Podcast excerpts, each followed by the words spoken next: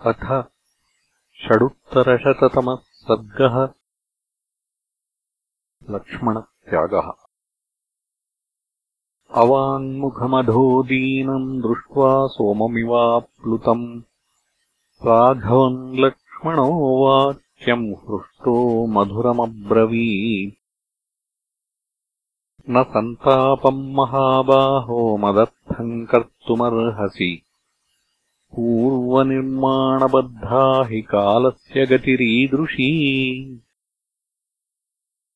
जहि माम् सौम्यविस्रब्धम् प्रतिज्ञाम् परिपालय हीनप्रतिज्ञा काकुत्स्थ प्रयान्ति नरकन्नराः।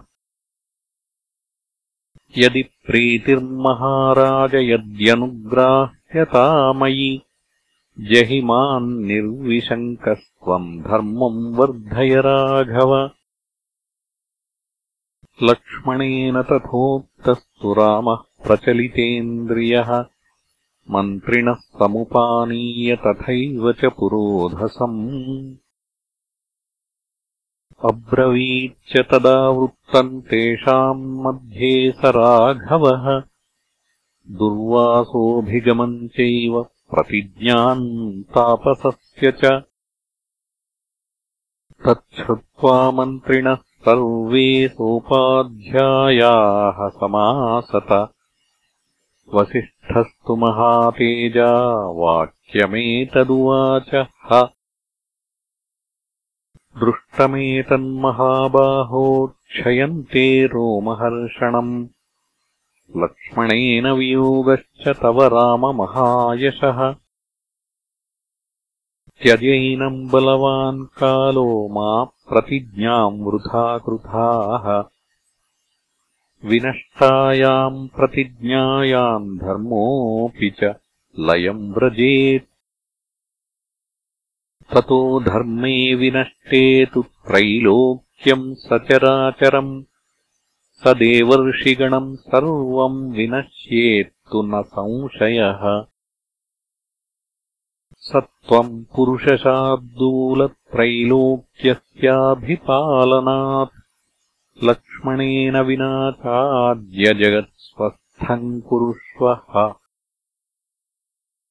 तेषाम् तत्समवेतानाम् वाक्यम् धर्मार्थसंहितम् श्रुत्वा परिषदो मध्ये रामो लक्ष्मणमब्रवीत्।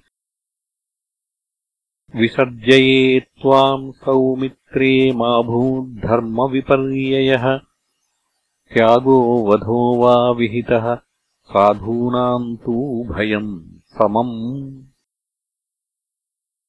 रामेण भाषिते वाक्ये बाष्पव्याकुलितेन्द्रियः। लक्ष्मणः प्रायात् स्वगृहम् न विवेशः। स गत्वा सरयूतीरम् उपस्पृष्ट्य कृताञ्जलिः निगृह्य सर्वस्रोतांसि निःश्वासम् न मुमोचः। अनिश्वसन्तम् युक्तम् तम् सशक्राः सात्सरो गणाः। देवाः सर्षिगणाः सर्वे पुष्पैरभ्यकिरंस्तदा। अदृश्यम् सर्वमनुजैः सशरीरम् महाबलम्। प्रगृह्य लक्ष्मणम् शक्रः त्रिदिवम् संविवेशः। ततो विष्णोः चतुर्भागम् आगतम् सुरसत्तमाः दृष्ट्वा प्रमुदिता सर्वे पूजयन् समहर्षयः। इत्यार्षे श्रीमद् रामायणे वाल्मीकीये आदिकाव्ये उत्तरकाण्डे षडुत्तरशततमः सर्गः